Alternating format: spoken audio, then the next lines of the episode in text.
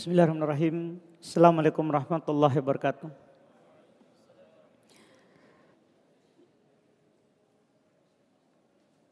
Innal hamdalillah nahmaduhu wa nasta'inuhu wa nastaghfiruh wa na'udzu billahi min shururi anfusina wa min sayyiati a'malina. May yahdihillahu fala mudilla lahu ومن يضلل فلا هادي له أشهد أن لا إله إلا الله وحده لا شريك له وأشهد أن محمدا عبده ورسوله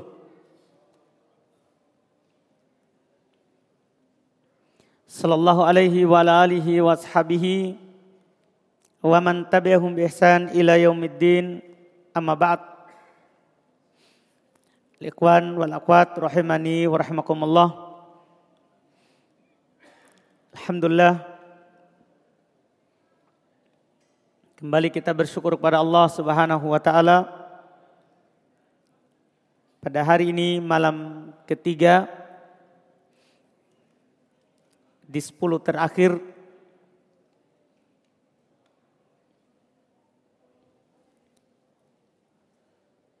Kembali Allah Subhanahu wa taala melimpahkan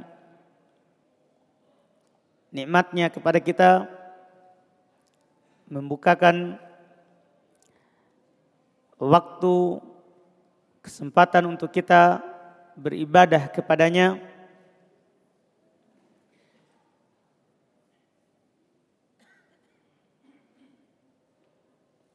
Dan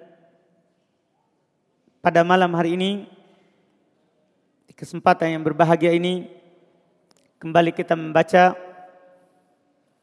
karomah dari wali Allah Subhanahu wa taala yang disebutkan oleh Syekh Abdul Raqib di dalam kitab Karomatul Aulia. Di malam hari ini kita akan membaca yang ke-12 kata beliau rahimahullah ta'ifatum min bani Israel lam yusammu lam yusammau rahimahumullah. Karomah dari sekelompok Bani Israel yang tidak disebutkan nama mereka rahimahumullah.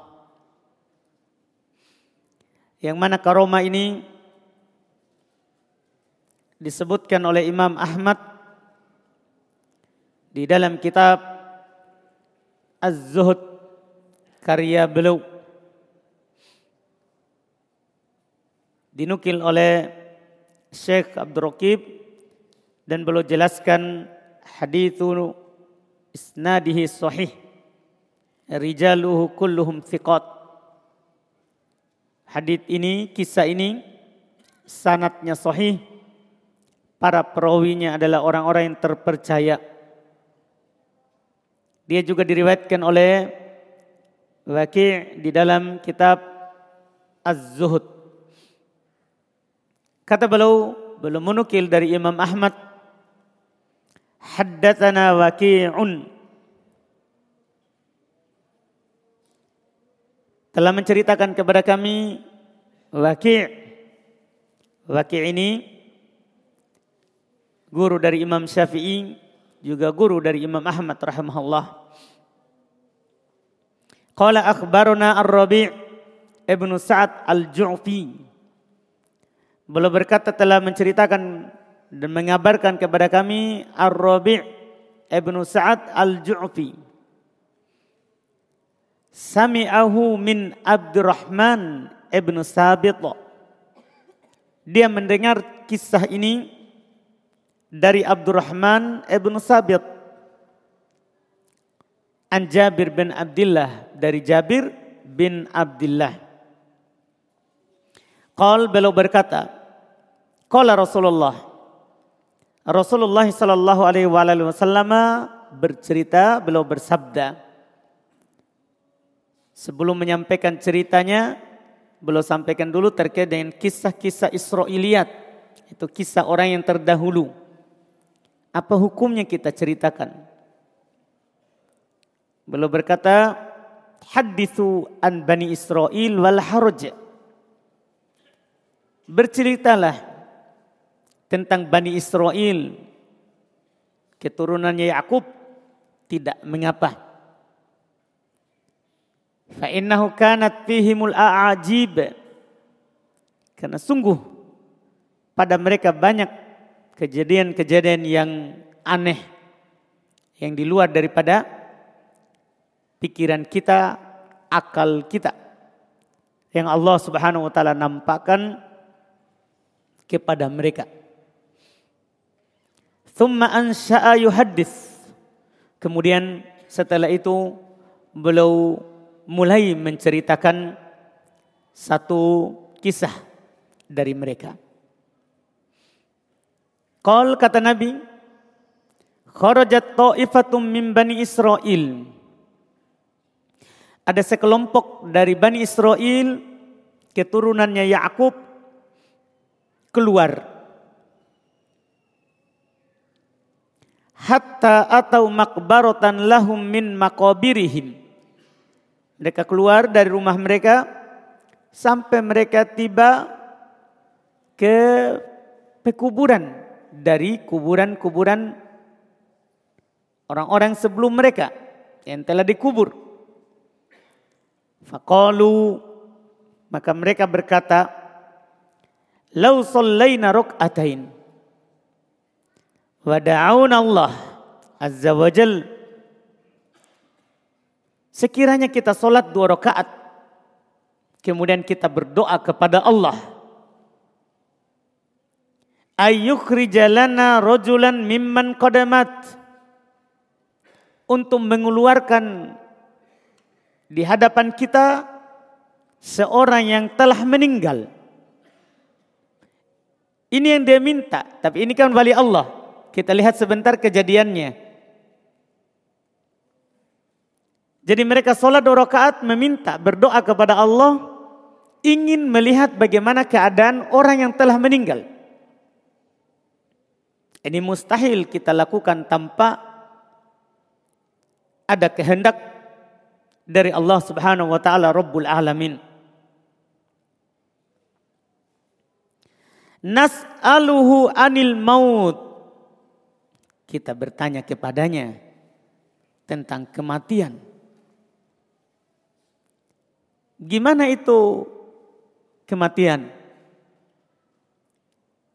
Apa yang terjadi setelahnya? Ini tentunya karena syariat sebelum kita tidak sesempurna yang kita punya. Karena syariat Islam, syariat yang paling sempurna semuanya telah diceritakan. Semuanya. Sampai dikatakan oleh sahabat Salman Al-Farisi hattal khiro'ah. Sampai syariat kita telah menjelaskan bagaimana cara buang air. Demikian pula kata Abu Dhar Al-Ghifari radhiyallahu taala anhu. Tarokana Rasulullah sallallahu alaihi wa alihi wasallam wa qad 'allamana kulla syai'in ilma. Rasulullah sallallahu alaihi wasallam meninggalkan kita dan beliau telah mengajarkan kepada kita segala sesuatu ilmunya. Ini kalau kita umat Islam. Dari kita sakit sampai kita meninggal itu diceritakan dalam satu hadis. Kita dikasih naik ke langit, diturunkan kembali, dimasukkan ke kuburan. Apa yang terjadi? Syariat kita sudah lengkap. Tapi ini syariat sebelum kita. Iya. Jadi mereka ingin tahu tentang kematian. Mereka bertanya, ingin bertanya kepada orang yang telah meninggal. Qal kata Nabi sallallahu alaihi wasallam, "Fafa'lu." Mereka pun melakukannya. Artinya mereka sholat dua rakaat, minta kepada Allah bangunkan yang dalam kubur, kami ingin bertanya tentang kematian. Fabainamahum kadalik Ini solat di kuburan ya. Kalau di syariat sebelum kita, ini syariat sebelum kita. Sekali lagi, kalau syariat kita tidak boleh solat di kuburan. Tapi ini syariat sebelum kita. Dihapus dalam syariat kita. Jangan sampai nanti ada yang contoh. Ya ini Bani Israel, solat di kuburan. Mau bertanya kepada orang yang meninggal. Syariat kita tidak boleh. Karena dalam hadis riwayat Imam Muslim, Nabi SAW bersabda, La tusallu ilal kubur wala tajlisu alaiha. Jangan kalian solat menghadap ke kuburan dan jangan duduk di atasnya. Ini syariat kita. Ini syariat sebelum kita yang ini. Sampai mereka ke makbaroh, ke tempat kubur, mereka melakukan solat dua rakaat dan berdoa kepada Allah Subhanahu wa taala.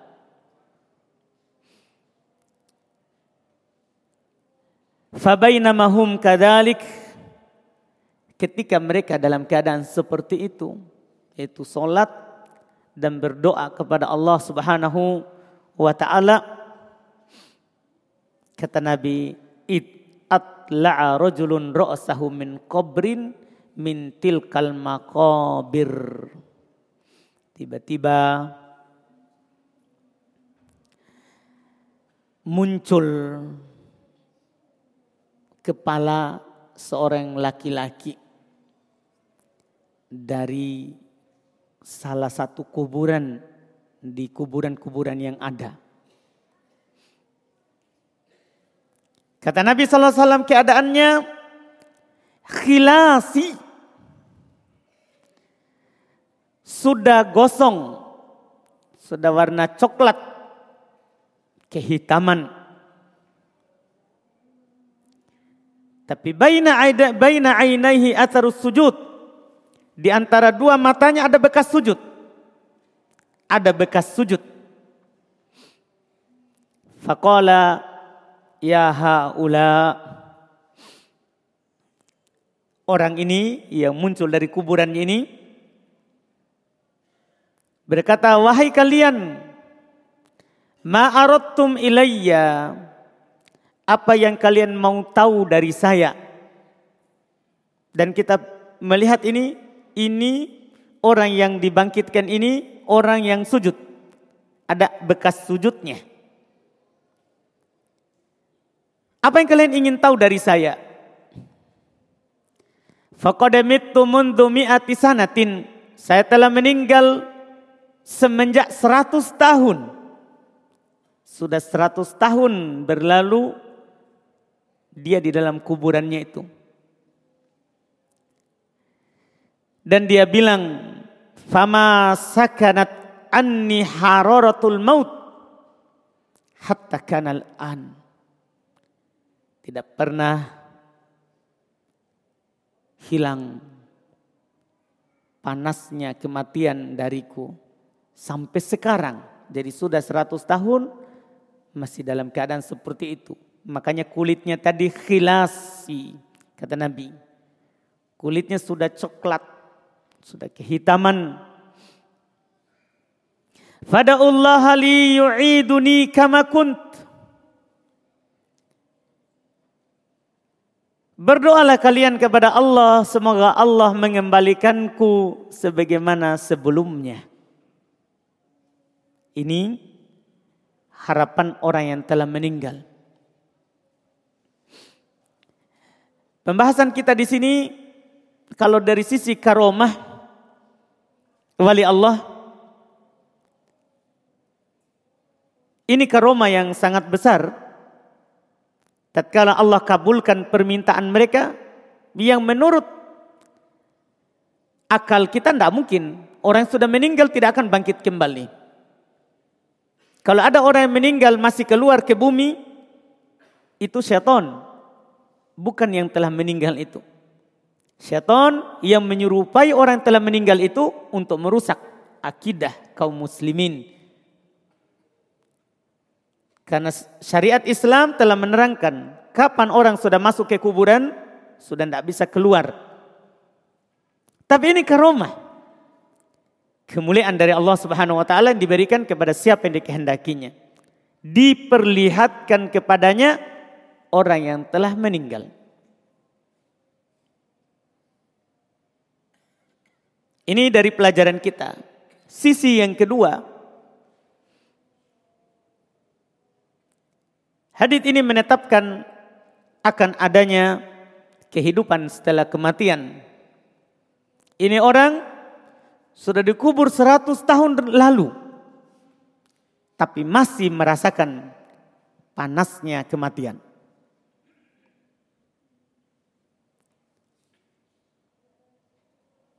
Dalam syariat kita lebih jelas lagi. Di dalam hadis Anas bin Malik radhiyallahu taala anhu beliau pernah bercerita marron Nabi sallallahu alaihi wa ala alihi wasallam bi haid.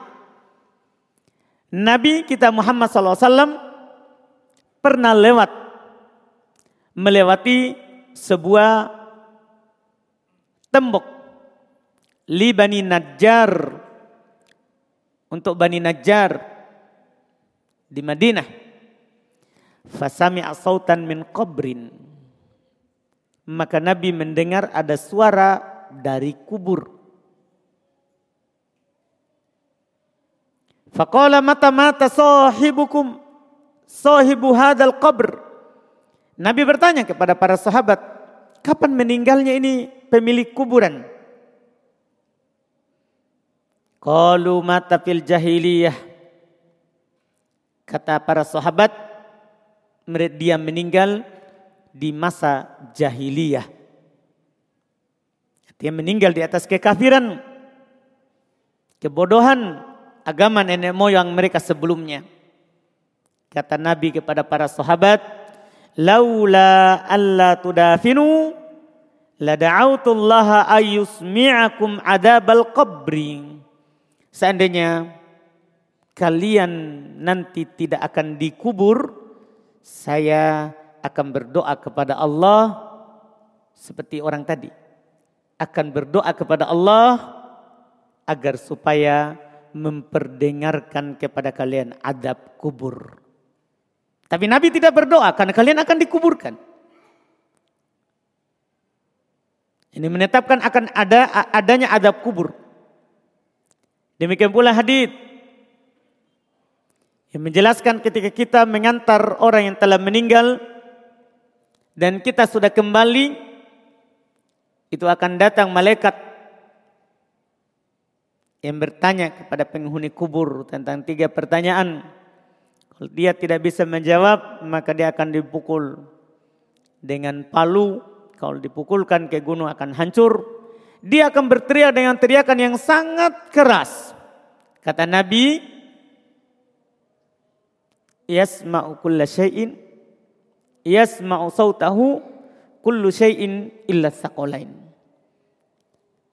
Didengar suaranya oleh segala sesuatu kecuali jin dan manusia. Lau sami'u la so'iku. Kalau mereka dengar, mereka akan pingsan. Artinya kalau kita mendengar adab kubur, kita tidak bisa jalan di atas muka bumi ini. Kita tidak bisa bernikmat-nikmat dengan harta yang kita punya. Anak, tidak bisa kita bermain-main dengan anak kita. Bercanda dengan istri kita, tidak bisa. Tapi ini hikmah Allah subhanahu wa ta'ala. Dalam kehidupan dunia ini, kita tidak diperdengarkan. Yang namanya kehidupan dalam kubur, tapi kita wajib imani. Wajib percaya. Ini pelajaran kedua. Pelajaran ketiga. Orang yang telah meninggal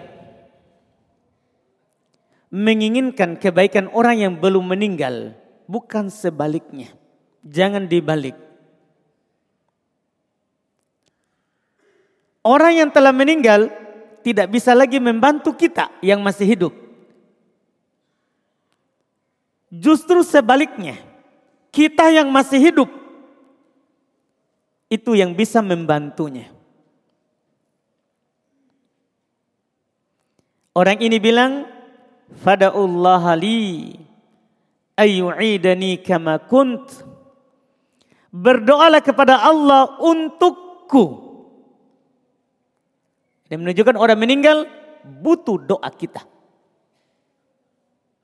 Butuh doa kita. Oleh karena itu saat kita ziarah kubur disyariatkan untuk berdoa. Assalamualaikum ya ahlad diyar. Semoga keselamatan atas kalian wahai penghuni kubur. Dia butuh doa kita. Kalau kita punya keluarga, keluarga kita yang telah meninggal butuh doa kita. Kita punya ayah yang sudah meninggal, ayah kita itu butuh doa dari kita. Kita punya ibu yang telah meninggal, ibu kita itu butuh doa dari kita. Butuh doa dari kita. Ini pelajaran yang ketiga. Pelajaran yang keempat. Orang yang meninggal, dia sangat berharap untuk kembali ke dunia agar supaya bisa beramal. Agar supaya bisa beramal.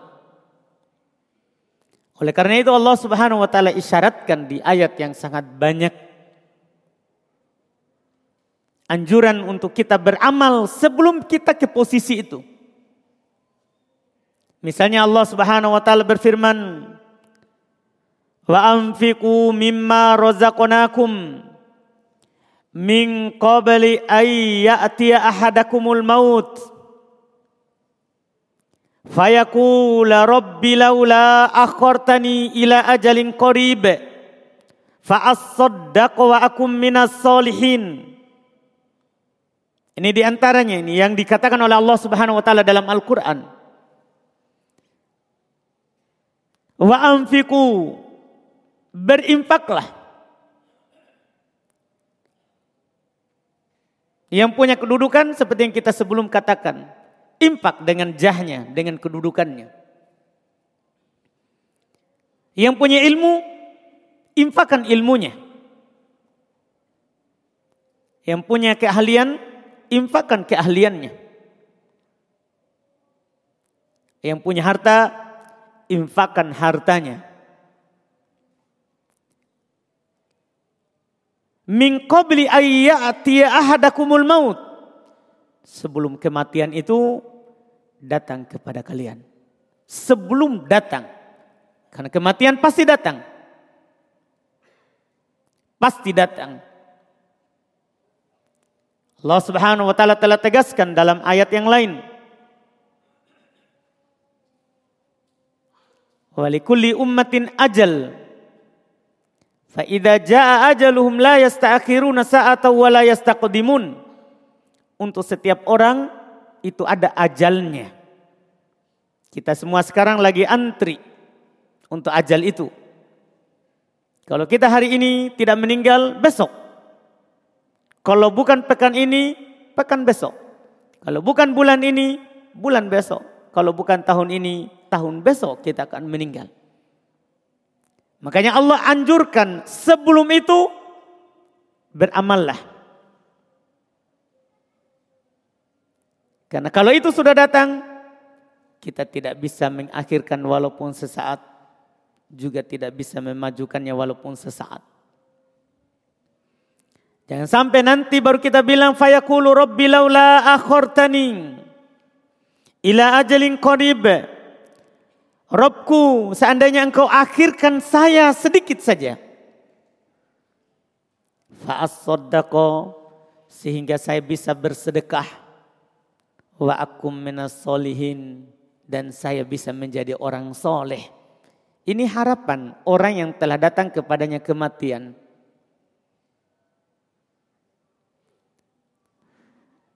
Orang yang telah meninggal mau kembali.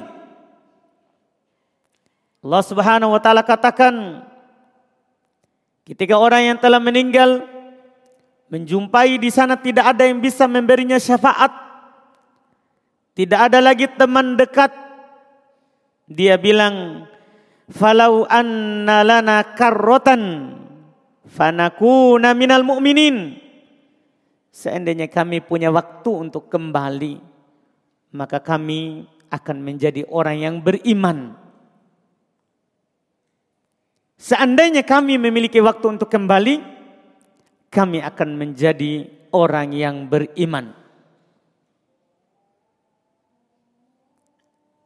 Juga Allah Subhanahu wa taala berfirman, "Walau taro idil mujrimina nakisu ru'usihim 'inda rabbihim Rabbana abasarna wa sami'na farji'na na'mal salihan inna mukinun Seandainya kamu melihat ketika orang-orang mujrim yang banyak dosanya menghadap kepada Allah mereka menundukkan kepala mereka di sisi Rob mereka. Mereka bilang abasorna. Rob kami, kami telah melihat. Wasami'na, Rob kami, kami telah mendengar. Farji'na, lihat permintaannya. Kembalikan kami. Kembalikan kami. Na'mal solihan. Dia cuma mau untuk beramal soleh inna mukinun. Sungguh kami yakin. Tapi itu sudah percuma. Tidak akan bisa lagi kembali. Ketika kita sudah ke posisi itu. Oleh karena itu, sebelum kita masuk di posisi itu, sekaranglah waktunya kita beramal Sekarang waktunya kita beramal. Di alam kubur, dua rakaat solat sunnah itu lebih berharga daripada dunia seluruhnya. Dua rakaat. Bagaimana lagi kalau kita sebelas?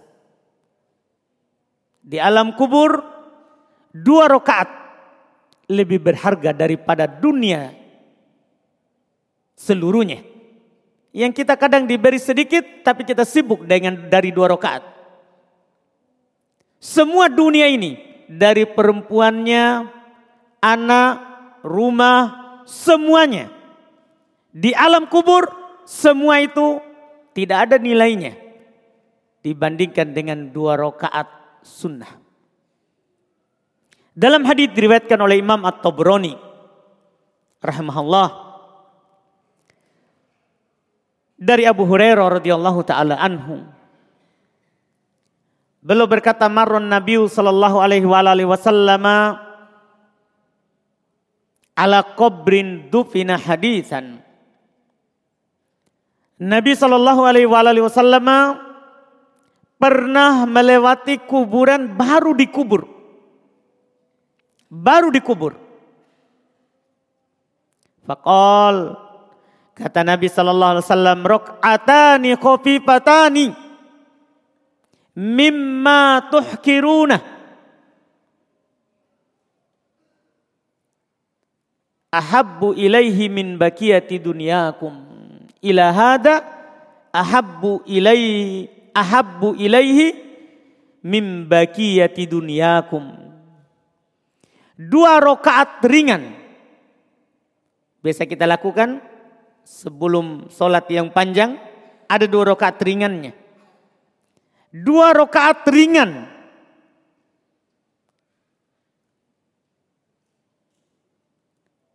Untuk orang ini dia tuh belum tunjuk kuburannya. Lebih dia cintai daripada dunia kalian. Kalian punya dunia, dia tidak peduli lagi itu. Dia lebih suka dua rakaat ringan lebih suka dua rakaat ringan.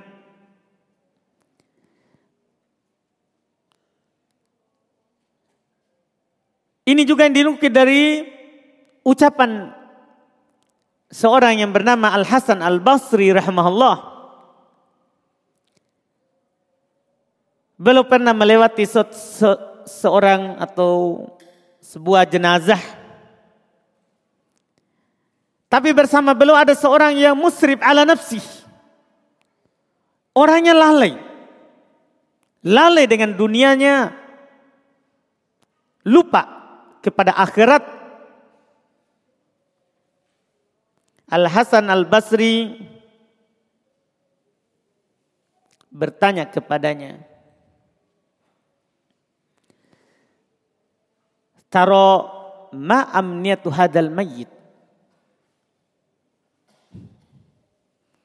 Kamu tahu apa keinginan ini yang telah meninggal? Dia bilang, ayyauda ila dunya liyatub. Wa yuslih zat Pasti dia mau kembali ke dunia untuk bertobat dan memperbaiki bekalnya. Jadi ada jenazah lewat. Al Hasan Al Basri bertanya kepada temannya, apa kira-kira keinginannya ini yang telah meninggal? Orang itu bilang, pasti dia mau kembali untuk bertobat dan memperbaiki, memperbanyak bekalnya. Maka kata Al-Hasan Al-Basri kepadanya, Fakun hadar rojul. Jadilah kamu seperti orang itu. Sebelum kamu di situ posisinya, sekarang waktunya. Sekarang waktunya untuk berniat kuat untuk beramal. Kalau kita orang malas sholat, sekaranglah waktunya kita sholat. Kalau kita orang malas berpuasa, sekaranglah kita berpuasa. Kalau kita orangnya belum bersedekah, sekaranglah kita bersedekah. Bukan nanti. Bukan nanti. Kalau sekarang orang kita ingin membaca Al-Quran, sekarang waktunya. Jika kita ingin melakukannya.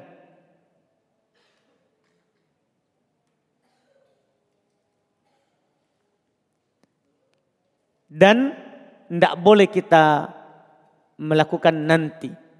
Mengucapkan lau. Jika, kalau. Nabi katakan la takul lau. Jangan bilang kalau begini baru saya begini. Jangan. Kata Nabi, fa inna lau taftahu amal syaitan. Sungguh lau itu akan membuka pintunya syaitan. Saat inilah selama kita waktu masih dibukakan, kesempatan masih ada untuk melakukan amalan kebaikan, maka sekaranglah kita kembali kepada Allah Subhanahu wa taala. Sekaranglah kita menambah bekal untuk berjumpa kepada Allah Subhanahu wa taala. Karena semua kita tidak akan bisa mengakhirkan apa yang Allah Subhanahu wa taala tetapkan untuk kita semuanya. Alhamdulillah kebaikan kita masih terbuka terus. Iya, malam ini kita akan melakukan juga seperti sebelumnya. Seperti malam kemarin, alhamdulillah kita baca kita mendengarkan Quran 30 lembar. Artinya ada 60 halaman. Kita dengarkan. Karena ada tiga juz dibaca. Cuman apa namanya Syekh bertanya kepada saya, orang-orang tidak mengeluh. Gimana antum? Kita kurangi atau Ya, kalau tamat besok tamat kita. Besok selesai. Maksudnya panjang pendeknya gimana itu? Karena saya bertanya, apakah antum mau kurangi atau tambah? Tambah ya? Baik, Alhamdulillah. Ya, hari ini bocoran dari orang dalam ya tiga juz persiapannya. Tapi sebentar kan masih ditambah. Bisa dikasih tahu. Iya. Alhamdulillah. Hmm. Insya Allah Ta'ala. Jadi persiapan malam ini sama dengan kemarin. Ya 60 halaman yaitu 30 lembar. Dan insya Allah untuk malam ini besok itu antum akan nikmati karena rata-rata surat yang sering kita dengar sudah mulai masuk surat-surat pendek. Sudah masuk surat-surat pendek. Mulai sementara ada juz 26, 27, 28. Besok itu kan sisa dua juz. 29, 30. Mungkin diselesaikan besok itu baru nanti malam 25 kita sudah surat lain sudah tamat 30 juz. Alhamdulillah atas kebaikan yang kita bisa lewati di hari-hari ini. Kita cukupkan subhanakallah hamdik asyhadu an la ilaha illa anta astaghfiruka wa atubu ilaik. Assalamualaikum warahmatullahi wabarakatuh.